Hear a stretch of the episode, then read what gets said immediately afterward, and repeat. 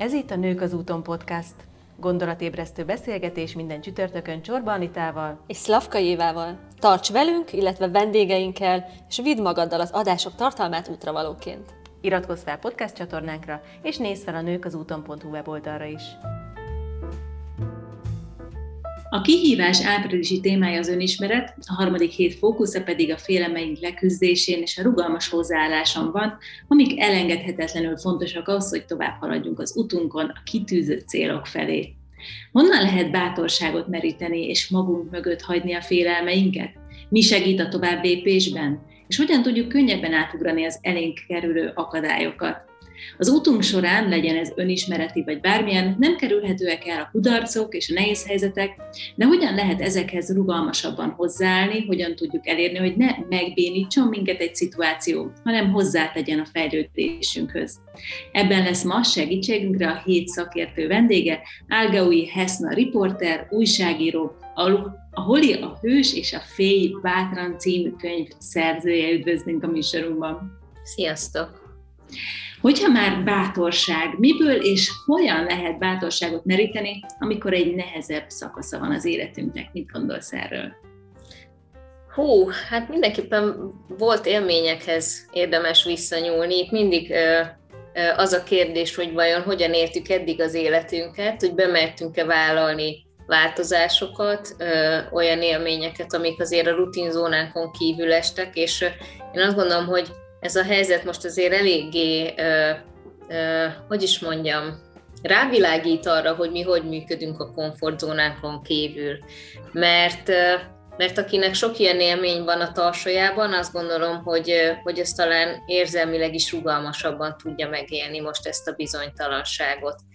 Ugye nagyon szeretem idézni Feldmár Andrásnak azt a képét, hogy nagyon sokan úgy élik le az életüket, hogy egy körben próbálnak úgy táncolni, hogy ne érjenek a falakhoz.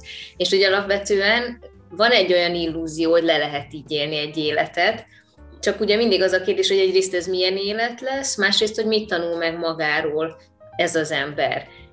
Nekem ez egy nagyon nagy élmény volt, amikor először forgattam konfliktusövezetben, hogy én milyen új, olyan oldalaimat tapasztaltam meg, amiről fogalmam sem volt előtte. És lehetnek elképzelésénk, hogy bizonyos éles helyzetben mi, mi nagyon bátrak lennénk, vagy mi biztosan meghunyászkodnánk és elbújnánk és gyávák lennénk, de valójában sosem tudhatjuk, hogy abban a bizonyos kritikusabb, komfortzónán kívüli helyzetben hogyan reagálnak. Ez tényleg csak ott derül ki. De hogy nem kell ehhez háborús területre menni, minden olyan tevékenység, ami, ami nem a megszokott rutinérzéssel tölt el minket, amiben van egy változó faktor, ahol nem tudjuk, hogy hogy fogunk reagálni, az alkalmas erre, hogy ezt teszteljük, és ezt a határt lehet kiebb és kiebb tolni. Tehát, hogy én ebben látom a kérdésedre a választ, hogy vajon vannak olyan élményeink, ahol, ahol a határainkat feszegettük, ahol tudtunk akár kudarcot vallani és tanulni abból, akár sikeresen megoldani helyzeteket és alkalmazkodni, és, és hogy aztán vettük-e ezt a kreditet, megadtuk-e magunknak, hogy ez sikerült, hogy jók voltunk, ügyenesek voltunk, alkalmazkodtunk, mert hogy ezekből a téglákból épül fel aztán az a fajta bátorság, az a magunkba vetett hit, hogy, hogy tudunk erősek lenni és jól alkalmazkodni. És ha valakinek nem voltak korábban ilyen élményei, akkor is szerintem itt van ez az elmúlt egy év, ami egy kifejezetten szinte háborús terep mindannyiunk életében, mert hogy rengeteg olyan szituáció adódott mindenki életében, ahol egyszerűen muszáj volt dolgokat máshogy csinálni, és hogy vajon vettük-e a fáradtságot arra, hogy ezeket a, ezeket a kis apró vagy nagyobb sikerélményeket megnézzük, és vállon veregessük magunkat, hogy fú, hát ebben is tök jól tudtam alkalmazkodni, és megoldottam azt is, és, és igazából ebben is találtam megoldást, pedig tök lehetetlennek tűnt. És hogy ezekből az élményekből kell most merítkezni, hogy ezt is megoldottuk, hogy tudtunk alkalmazkodni egyénként, meg egyébként közösségként is nagyon fontos, hogy erre rászálljuk az időt. És szerintem ebből tudunk bátorságot meríteni ahhoz, hogy most se fogjuk tudni irányítani a dolgokat, és igazából fogalmunk sincs, hogy mi lesz akár egy hónap múlva.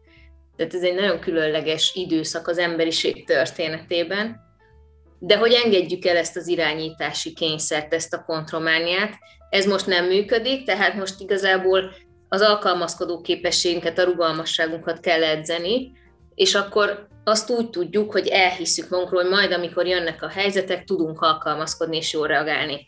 És azt viszont akkor fogjuk tudni elhinni magunkról, hogyha ezekből az élményekből építkezünk, és ezt munícióként így fel, felstócozzuk a lelkünkben.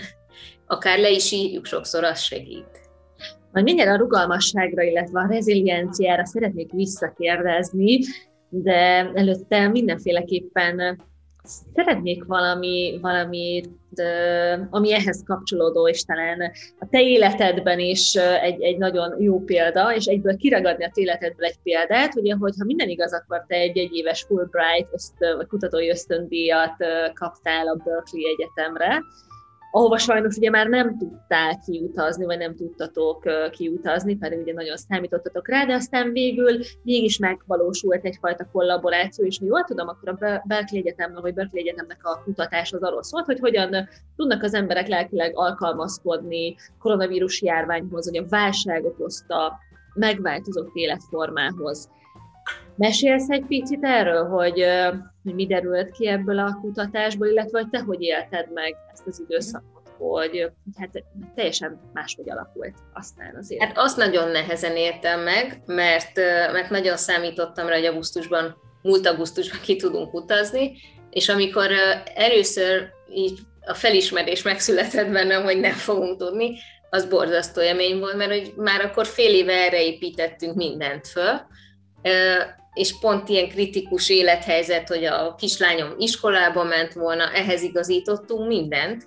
Végül hál' Istennek jól, jól jöttünk ki ebből, és, és hát így elkezdte az iskolát, és hál' Istennek egyébként felvételiztünk csak biztonsági okokból, hogy tényleg minden meglegyen, és hát ez, ez most jól, jól alakul, de hogy borzasztó érzés, hogy pont ez az irányítás hogy most, most tényleg ez történik velem, és ezt én nem tudok mit tenni, ez a tehetetlenség érzés, ez itt teljesen legyalult. És aztán, hát mivel pont a lelki alkalmazkodó képességet fogom kint tanulmányozni, ezért, ezért a második érzés az a szégyenérzet volt, hogy én így reagálok, miközben én már egy éve ezzel a témával foglalkozom egyébként, akkor, akkor, akkor mit várhatok el másoktól, akiknek papolok erről, ha én nem tudom azt a sok fontos tudást saját magamon alkalmazkodni, amit már elkezdtem összegyűjteni akkor így a harmadik stádium, hogy elkezdtem így szétszálazni ezt, hogy jó, oké, akkor ilyenkor mindig azt szoktam mondani, hogy próbáljuk a kontrollérzését visszaszerezni. Ugye ez a rezilienciának egy elég fontos mérföldköve, hogy valahogy próbáld a fókuszt arra helyezni, hogy még mindig tudsz irányítani. Úgyhogy elkezdtem gyorsan fölvenni a kapcsolatot mindenkivel, hogy oké, okay, akkor le, lehet, hogy most nem tudunk menni, de jövőre remélhetőleg tudunk. És akkor nézzük meg, hogy ebből az egy év köztes állapotból mit tudunk kihozni, hogyha már úgyis megvan a kapcsolat az egyetemmel, és akkor így jött ez a kötős kutatás ötlete, és ugye, és ugye sok olyan, olyan, olyan rétege van ennek az egész lelki alkalmazkodó képességnek, amit elkezdtem, például, hogy ne érezzem áldozatnak magam. Oké, okay, jó, hát persze, hogy az ember először áldozatnak érzi magát, utána végig gondolja, hogy hát, hogy, hogy most nézzük meg azt, hogy hogy mit tudok ebből tanulni, profitálni. Tehát, hogy nézem meg azt, hogy mi ebből a, a, a pozitívumra fordítható faktor. És rájöttem, hogy hát plusz egy évet kapok, hogy rákészüljek erre az egész kutatásra, élményre, ami egy ajándékév, mert hogy minél felkészültebben megyek, ott annál fókuszáltabban tudom a munkát csinálni. Úgyhogy végül is mindezekből én azt raktam össze, hogy, hogy megkerestem a kinti professzoromat, és földobtam neki ezt a lehetőséget, hogy ha már egy ilyen elképesztő világméretű dolog zajlik, hogy ugyanaz a probléma Budapesten, mint Berkeley, meg Pekingben, és még sorolhatnám, mindig azzal viccelődtem, hogy, hogy ilyen az életben valószínűleg többször nem lesz, hogy Leonardo DiCaprio-nak ugyanaz a problémája, mint nekem. De hogy tényleg, hogy valamennyire elképesztően egységesítette is a, a világot ez az egész, akkor nézzük meg, hogy hogyan alkalmazkodnak érzelmileg máshogy az emberek. Ez egy ilyen once in a chance in a lifetime dolog, hogy most tényleg össze tudnánk hasonlítani. Aztán nyilván ez közben az oldó szétnyílt, mert hogy más volt az egész járványnak a, mélysége, lefutása, az abból való talpraállás, a vakcinák megjelenése, de hogy ez ott az elején még nagyon összehangoltan ment, és akkor végül is a dr. Fülöp Mártát kerestem meg. Azzal vele már elég sok ilyen együttműködésünk volt, és nagyon szeretek Mártával együtt dolgozni, és nagyon tetszett neki az ötlet. Kiderült, hogy a Berkeley már elkezdett egy kutatást Kínával erről, tulajdonképpen mi arra kapcsoltunk rá, és kiegészítettük egy csomó más kérdéssel a saját magyarországi kutatásunkat, és, és így jött ez létre. És hát nehéz még tanulságokat levonni, mert ugye az, az első hullámban vettük fel els, először a kérdéseket, és most ismét kint van a kérdőív, úgyhogy pont most döntöttük el, hogy mivel most már a harmadik hullámban vagyunk, most még nem zárjuk le ezt a második adagot, úgyhogy ha van kedve bárkinek, aki nézi ezt az interjút kitölteni, még gyorsan, nagyon megörülnénk neki, mert hogy szerintem most megint más típusú válaszok fognak érkezni, mint mondjuk két hónappal korábban. Úgyhogy a Facebook oldalamon, vagy esetleg, ha megosztjátok ezt a linket, akkor nagyon klassz lenne, ha még kitöltenének. És a férfiakat is bátorítom erre, mert ők elenyésző arányban töltötték ki mind a két alkalommal a kérdőívet. Nem tudom, miért ez is egy Sonocba betesszük, illetve a nőközuttan.hu oldalon az adásnál is bent lesz a linkje a kérdőív. Szuper, köszönöm. De hogy éppen most uh, teljesen lehangolt vagyok, mert hogy megyünk, megyek végig a válaszokon, én a nyitott kérdésekre való válaszokat elemzem, hogy mitől félek legjobban, mi az, amit ebből tanultam, profitáltam, mi az, amit most tenni tudok azért, hogy ezt a helyzetet az előnyemre fordítsam. És hát most, most éppen megint a félelem rovatban vagyok, és hát napokat töltök az, hogy az Excel táblázatban nézem az emberek félelmeit és csoportosítom, hogy lelkileg azért néha, néha megvisel ez, mert mert közben azért látom, hogy tényleg emberi tragédiák vannak, még most is, és újból körülöttünk, de mégis azt kell mondjam, hogy nagyon pozitív volt a, benyomásunk a kérdésekre adott válaszokat nézve, hogy az emberek sokkal több jót tudtak találni ebben, mint gondoltuk volna. Rengetegen tényleg olyan fantasztikus dolgokat fogalmaztak meg, hogy mit tudnak profitálni, hogy hogyan tudtak értékrenden változtatni, vagy az kívülről látni, a prioritásokat, tehát hogy nem tudom, mennyire lesz ez hosszú távú.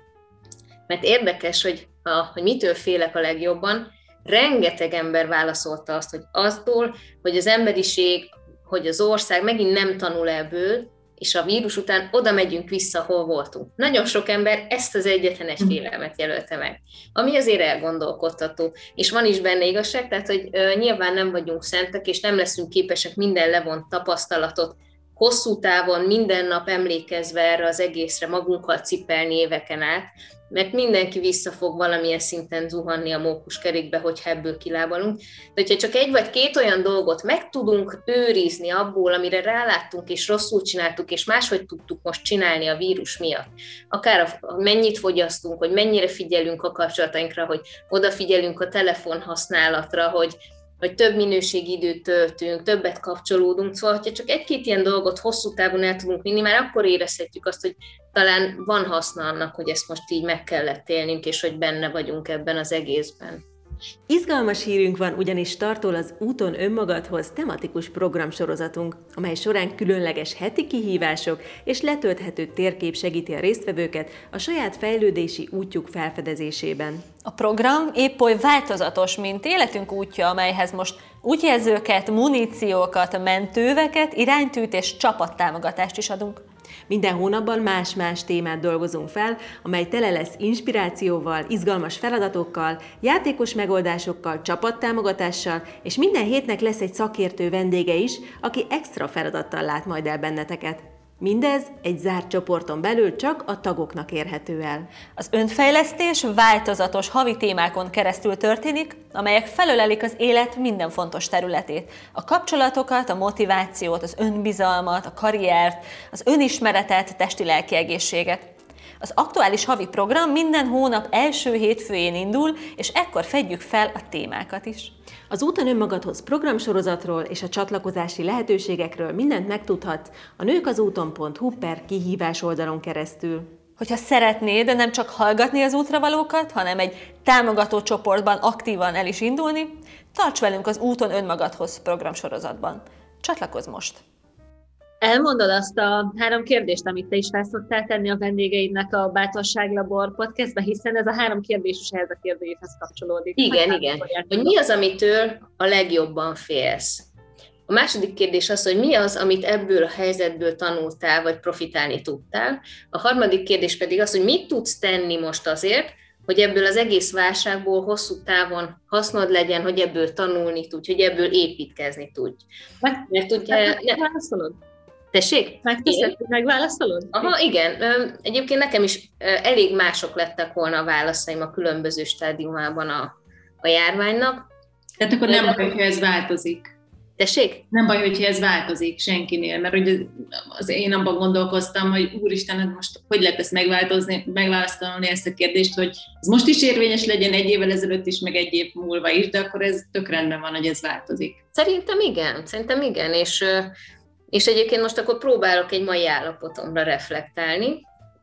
Azt hiszem, hogy most ebben a pillanatban azt tölt el a legnagyobb félelemmel, hogy még a jövő évünkre is hatni fog ez az egész mert egyre többen tényleg most már években mérik a visszarázkódás. Tehát, hogy, hogy attól félek talán legjobban, hogy hiába van itt a vakcina, ez nem fog most mindent megoldani rövid időn belül. Az, amit az elmúlt helyzetből profitálni tudtam, az talán az, hogy hogy mennyivel műk, mennyivel, mennyire jól működnek tényleg leegyszerűsítve a dolgok, hogy mennyi időt tudunk spórolni, amikor egy kicsit jobban észrevesszük azokat a felesleges köröket, amiket futunk, és, és egyébként ez a munkámban is így van, nekem, nekem nagyon sok könnyebbséget adott az, hogy sok minden átkerült online térbe, és nem utazom egyszerűen annyit, nem ülök annyit autóban.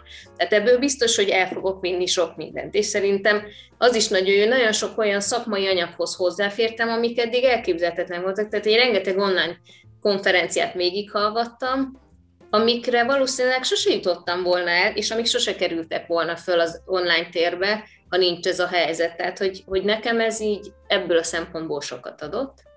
És amit most tenni tudok azért, hogy hosszú távon építkezni is tudjak ebből az egész helyzetből, szerintem az az, és most, hogy ezt megmond, megfogalmazom nektek, lehet, hogy ezt meg is próbálom átültetni a gyakorlatba, szerintem az nagyon sokat számítana, hogyha, hogyha, hogyha leírnám, az önmagában ugye az írás is segíti a feldolgozást, meg az emlés, meg az emlékeztetében, hogy, hogy most mik azok a, azok a mérföldkövek, amiket megélek, amiket tudom, hogy most máshogy akarok csinálni emiatt.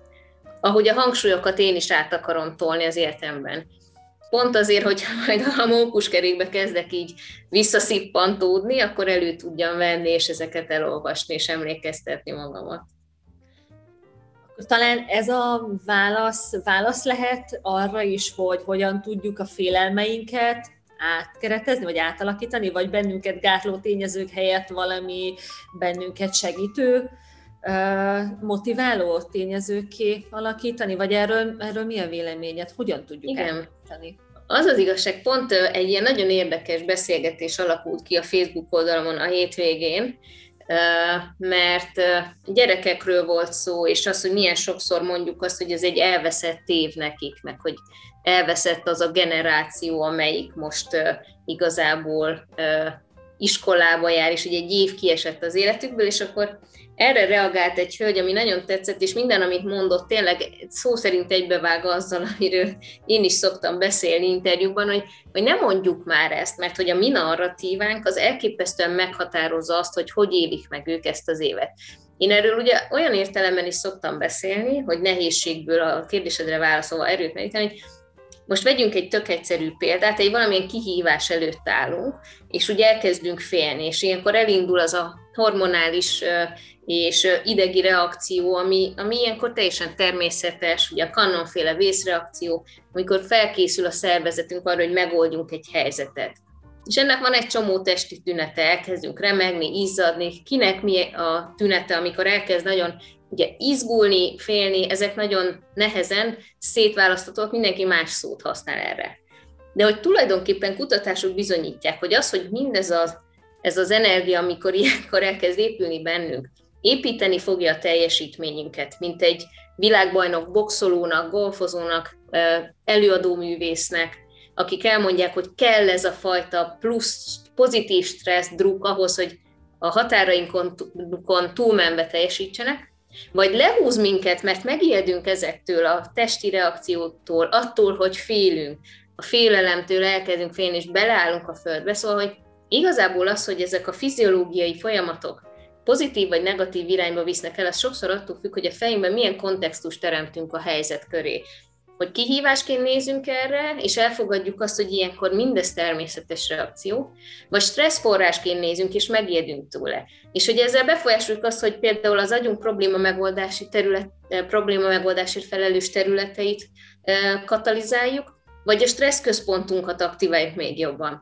És én nagyon hiszek ebben a hosszú távú hatásban is, hogy, hogy az, hogy most egy ilyen nehézséget mi milyen kontextusba helyezünk, az befolyásolja azt, hogy napi szinten hogy éljük meg ezeket a kihívásokat. És az, ahogy mi egy narratívát kiépítünk e köré, az nagyon befolyásolja azt is, hogy a mi gyerekeink hogy élik meg ezt, mert ők sokszor a mi szemünkön keresztül értékelik és élik meg a világot.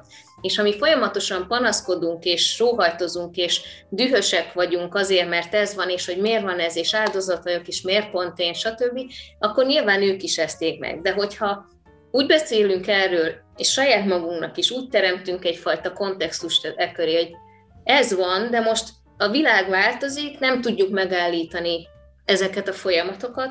Nézzük meg azt, hogy oké, okay, akkor mi most mit tudunk ebből tanulni? Mi az, amiből, amit ki tudok ebből hozni, mint egyfajta pozitívum, amiről eddig is szól? Mert hogy, mert hogy igazából a gyerekeknek is ez egy nagyon fontos első olyan élmény, és örüljünk neki egyébként, bár utálom ezt az összehasonlítást, de hogy nem egy világháborút kell megélnünk, örüljünk neki, hogy még mindig van egy csomó választási lehetőségünk, még mindig, még mindig van az a szabadságunk, hogy, hogy értelmezzük a saját szájzünk szerint azt, hogy mindenre hogy nézünk erre az egész eseményre. És hogyha mi azt, hogyha a gyerekek azt hallják tőlünk, hogy tulajdonképpen ennek a globális világnak ez a velejárója. Valószínűleg még lesz ilyen, de most nézzük meg azt, hogy mit tudunk megtanulni arról, hogy közösen hogyan tudunk újfajta módokon tanulni együtt, kommunikálni, közös élményeket szerezni. Van egy ilyen új helyzet, nézzük meg, hogy mit tudunk ebből kihozni, hogyan tudunk újfajta kreatív perspektívákat, módszereket találni, akkor egy gyerek elképesztően plastikus az agya, sokkal plastikusabb még, mint a, mint a felnőtteknek, és ő képes lesz ezeket a határokat feszegetni, és azt nézni, hogy oké, okay, akkor tényleg legyen ez egy kívás, nézzük meg, hogy mit tudunk ebből. És nyilván nem bagatelizálni akarom az egész helyzetnek a negatív hatásait, hogy nincs annyi kapcsolódásra, közösségi élményre lehetőség. Ennek biztos, hogy meg lesz az ára minden téren, fizikálisan, mentálisan, de hogy mivel úgyse tudunk ezen változtatni, akkor még mindig érdemes megnézni azt, hogy ha már ez a helyzet van, akkor hogy tudunk erről úgy beszélni? Beszéljünk ugyanúgy a nehézségekről, és én nem azt mondom, hogy azokat söpörjük a szőnyeg alá, sőt, az a jó, hogyha tudunk kommunikálni erről, és beszélünk a saját félelmeinkről is.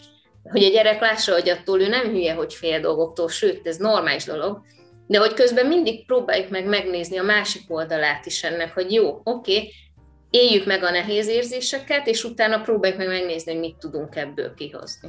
Igen, azt gondolom, hogy témafelvetőnek is valószínűleg ez lehetett a szándék, hogy egyáltalán arról beszéljünk, hogy ez a gyerekeknek is milyen változást hoz az életébe, hogyan élik ezt ők meg, mert hogy ezt, ezt meg erről kevesebb szó esik, mert egy picit minden szentnek maga felé hajlik a kezet, tehát felnőttek, felnőttként felnőttek problémáját látjuk ebben, és hogy fontos lenne a gyerekek szemével is látni, hogy pont akár megfordítva egy új perspektívába tudjuk ültetni az ő helyzetüket, úgyhogy szerintem mindenképpen jó volt a téma felvetése. Nagyon, nagyon, nagyon klassz, igen. Na, hogyha, hogyha már említetted azt, hogy, hogy ugyanúgy helye van a nehéz érzéseknek is, akkor mit gondolsz, hogyan lehet ezt az egészet szakaszolni? Meddig van helye a negatív megélésnek, vagy egy picit az önsajnálatnak, és mikor kell elő, erőt venni magunkon, hogy, hogy tovább haladjunk, mondjuk úgy az, az útunkon. És te például a gyász folyamathoz szoktad hasonlítani, hogyha jól tudom, mesélsz erről egy picit ezekről a stációkról, hogy aki hallgat bennünket, így el tudja magát helyezni, hogy na most hol tartok, de hogy, hogy nem csak itt lehet lenni, hanem ennek különböző igen, nekem az is nagyon sokat segített így a, a járvány első hullámában. Nekem körülbelül olyan két nehéz hetem volt érzelmileg, még úgy egyrészt egy nagyon sűrű időszakban voltam, és aztán hirtelen ugye az összes felkérésem le lett mondva, minden munkám gyakorlatilag kukába került, és akkor ilyen, ilyen projektek, amiken dolgoztam, és, és ugye bezárt az óvoda, stb., és akkor hirtelen otthon, mint a 130-al szágúdottam volna egy autópályán, és satúfék, és fú, és bennem regett egy csomó feldolgozatlan feszültség, energia, gondolat, hogy jó, tök jó, hogy itthon lehetek a gyerekekkel, oké, de most meg kell tanulnunk belassulni, oké. És akkor így ilyen kis szelepeken kiengedni ezt a feszültséget, és és akkor rájöttem, hogy jó, most hagynom kell magamban is dolgozni ezt az érzést, mert ha meg elnyomom, akkor majd itt a kuktából így egyszer csak így kitör ez a sok feszültség. És, és nagyon sokat segített, amikor David Kessler cikkével találkoztam, aki, aki arról írt, hogy most egy kollektív gyász folyamaton megy át a világ, és hogy, és hogy nagyon fontos az, hogy, hogy felismerjük, hogy mindenki más tempóban halad most át a gyász különböző szakaszain, és mindenkinek más nyilván az intenzitása mert hogy mást gyászolunk. Van, aki a normalitás elvesztését, van, aki a kapcsolatok erodálását, de van, aki a szeretteit, a munkahelyének az elvesztését, az anyagi biztonságot. És, és ráadásul mindannyian más batyúval jövünk. Tehát, hogy más van az érzelmi puttonyunkban, más traumákat értünk át eddig, és máshonnan indulunk egy ilyen gyász folyamat első lépésénél is de hogy hagyjuk, egyrészt legyünk toleránsok magunkkal, meg a másikkal is. Tehát, hogy ez megmagyarázza azt, hogy miért van az, hogy én már elfogadtam ezt a helyzetet, a másik meg még mindig ott őrjön a boltban, és veszekszik az eladókkal, meg dühös mindenér a világra, hogy, hogy nyilván ezt, ezt nagyon nehéz először megérteni, aztán az ember, hogyha elkezdi megérteni, mindenki más koordináta rendszerben halad át ezen az öt folyamaton, akkor talán egy kicsit toleránsabbak tudunk lenni. És ugye ő osztotta fel erre az öt szakaszra a gyász folyamatát, ami a tagadással kezdődik, ami nálam is klasszikusan megjelent még olyan, nem tudom, február elején, hogy áh, minket, ez biztosan, ne hülyeskedjetek már, hát annyi ilyen, ilyen vírus volt, amire ugyanúgy riogattak minket, aztán nem lett semmi, ez se fog ide elérni, tehát nálam is működött ez a tagadófázis, és aztán emlékszem arra a momentumra, amikor éppen az, is, az óvoda melletti játszótéren egyszer csak mondta valamelyik szülő, hogy bezárják az óvodákat, és így fejbe vágott, hogy úristen, ne jó, akkor ideje a tagadást, ezt, ezt, ezt most így jó hátrahagyni. És jött a düfázis, hogy basszus kulcs, jó, hogy szervezem újra az életemet, mi lett? Ugye akkor még nem tudtam, hogy most ez milyen, a teljesen alapjaiban fogja felfordítani az életünket, és, és akkor jött ez a difázis, és utána jött a, a szomorúság, hogy jó, oké, okay, hát most ez van, tulajdonképpen, nem, bocsánat, összekeltem, ezután jön az alkudozás, hogy, hogy oké, okay, jó van, megteszem, amit kérnek tőlem, de cserébe akkor gyorsan, gyorsan, gyorsan minél hamarabb alakuljon minden vissza a normalitásba. És akkor az ember elkezd segíteni, ahol tud, újra hangolni, alkalmazkodni, és úgy várja, hogy amiért ő ezt mindezt megteszi, majd minden változzon vissza. És akkor jön a negyedik stádium, a szomorúság, amikor felismerült, hogy hát de már nem lesz semmi olyan, mint régen. Mert hogy amikor áthaladunk a gyász öt szakaszán, egy teljesen új normalitást kell elfogadnunk mert hogy semmi sem lesz mert pont olyan, mint a régi, és tulajdonképpen akkor jöhet csak a, a és akkor jön ez a szomorúság fázisa, és csak akkor jöhet az elfogadás, amikor te ezt az új normalitást el tudod fogadni, hogy oké, okay, ez van. És talán ez a legnehezebb utolsó lépés, hogy ebből a szomorúságból jön az elfogadás, de hogy ebben a stádiumban van az erő is. Mert ezen a ponton kezded el érezni, hogy ismét a, az irányítás képességét vissza tudod csalogatni az életedbe. Ekkor döbbensz rá, hogy még ebben az új normalitásban is te tudsz hatással lenni dolgokra, te tudod irányítani az életedet. És tulajdonképpen van egy plusz egy szakasz, ez a növekedés, amikor te nem csak elfogadod ezt, hanem, hanem rájössz, hogy lehet, hogy van ebben pozitívum is, hogy te a megélt helyzetet, veszteséget akár tudod arra is fordítani, hogy te ebből tanulj, építkezz, és lehet, hogy egy, egy harmonikusabb életet is el tudsz érni. És, és én arra jöttem rá egyébként, és ahogy utána olvastam, ez is tényleg a szakirodalomban is szerepe, hogy, hogy ez sem olyan, hogy egyszer átrobogsz a gyászöt szakaszán, és aztán mi halleluja, nem. Az ember képes visszaesni, akár a tagadás, akár a dű, akár melyik szakaszba, és akkor el kell kezdeni megint kidolgozni a magát ezekből. És ráadásul most ezeknél a hullámoknál szerintem ez különösen jó érhető a visszaesés és ez újra kimászás. Lehet ez az egész folyamat a változás folyamatára is reflektál, nem? Tehát, így hogy van. Igazából így változunk, változhatunk, mindegy, hogy milyen helyzetbe kerülünk egy világjárványba, vagy a munkahelyünk elvesztése, vagy egy gyerek születése, vagy, a, vagy egy a párkapcsolati változás. Igazából ez az önismereti útunknak is lehet egy-egy ilyen útjelző, hogy oké, okay, hát most itt vagyok, és ez rendben van, hogy itt vagyok, de hogy nem csak ez az egy szakasz. Gyakorlatilag igen, minden változásnál, még ha pozitív az a változás, akkor is van egyfajta gyász, mert hogy az az előtti állapotot, azt el kell engedni. És egy pozitív változásnál sem feltétlenül olyan könnyű. Egy gyerek születésénél is meg kell gyászolni azt, hogy már nem ketten vagytok, hogy az a korszak, az lezárult.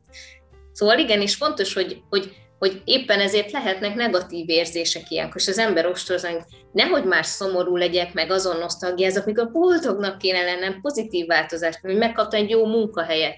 És akkor el kell gyászolni azt, hogy oké, okay, lehet, hogy egy, egy, egy kevésbé jó munkám volt, de hogy ez voltak olyan stádiumai, vagy olyan részei, ami megklasszolt, és az ember ezzel az önostorozással, meg bűntudattal, meg így elhesegeti. És akkor itt visszacsatolnék Révi a kérdésed, hogy igenis ezeket a negatív érzéseket hagyni kell, hogy, hogy így átmenjen rajtunk, megéljük, átéljük, akár kisírjuk, és aztán, aztán akkor tudjuk így tovább görgetni ezeket. Mert hogyha jön, és így egyből visszapróbálom így tömködni a palaszba, vagy lenyomni jó mélyre, attól azt nem tudjuk lekapcsolni, az érzéseket nem tudjuk föl lekapcsolni, az ugyanúgy ott elkezd dolgozni bennünk, csak elveszítjük a lehetőségét, hogy mi alakítsuk át ezeket az érzéseket. Hogyha útravalóként adnál a hallgatóknak egy fontos gondolatot, ami, ami a rezilienciával, a, a változással, a félelmeink átalakításával kapcsolatos, akkor mi lenne egy olyan fontos gondolat, amit mindenképpen mindenképpen átadnál? Talán az, hogy aki reziliens, aki alkalmazkodó, jó alkalmazkodó képességgel bír, lelki értelemben, az nem azt jelenti, hogy az erős, hanem az azt jelenti, hogy, hogy jól megtanul navigálni a teljes életben. Tehát, hogy nem attól reziliens valaki, hogy erős a személyisége és mindent kibír. Sőt, pont, hogy nem. Mert ugye a, a nagyon merev fémek nagyon, nagyon erősek, de közben törékenyek. Ugye azt szokták mondani, a rugalmas fémek azok, amik igazán ellenállóak. És hogy a reziliens ember az tulajdonképpen azt akarja, hogy, hogy tudomásul veszi, hogy az élet tele van boldog pillanatokkal, meg nagyon sok szomorúsággal, meg negatív életeseménnyel is. És tulajdonképpen a, a, az, az elégedett boldog élet az azt jelenti, hogy ebben megtanulunk navigálni, hogy elfogadjuk, hogy az élet nem minket diszkriminál, amikor valami rossz történik, hanem azt jelenti, hogy megéljük ezeket, és megtanulunk ebben navigálni.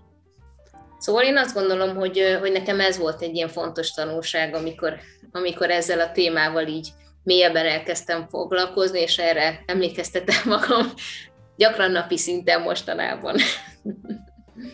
Hát, kedves hallgatóink, illetve hát nézőink is, igyekezzetek navigálni az élet útvesztőiben, hiszen ezek soha nem egyenes útak, hanem ahogy mi is mondjuk, tombokon, hegyeken, völgyeken átvezetnek, néha ezek szerpentinek, néha meg egy ilyen szép tengerparti tájon vezetnek át, de hogy, hogy maradjunk rugalmasak és kíváncsiak ezekre a helyzetekre, és akkor így talán egy, egy, egy kicsit elégedettebb lesz az útunk, vagy elégedettebb leszek, leszünk az útunkkal.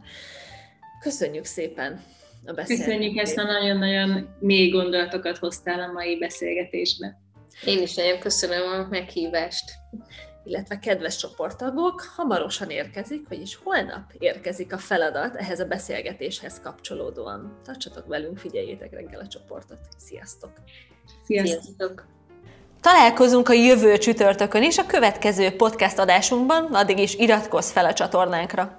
Ám ha nem csak hallgatni szeretnéd az útravalókat, hanem egy támogató csoportban aktívan el is indulni, válts meg a jegyedet az úton önmagadhoz havi programsorozatra. Várjuk visszajelzéseiteket, kommentjeiteket Facebookon, Instán vagy e-mailben. Minden további információt megtalálsz a nőkazúton.hu weboldalunkon. Sziasztok! Sziasztok jó utat!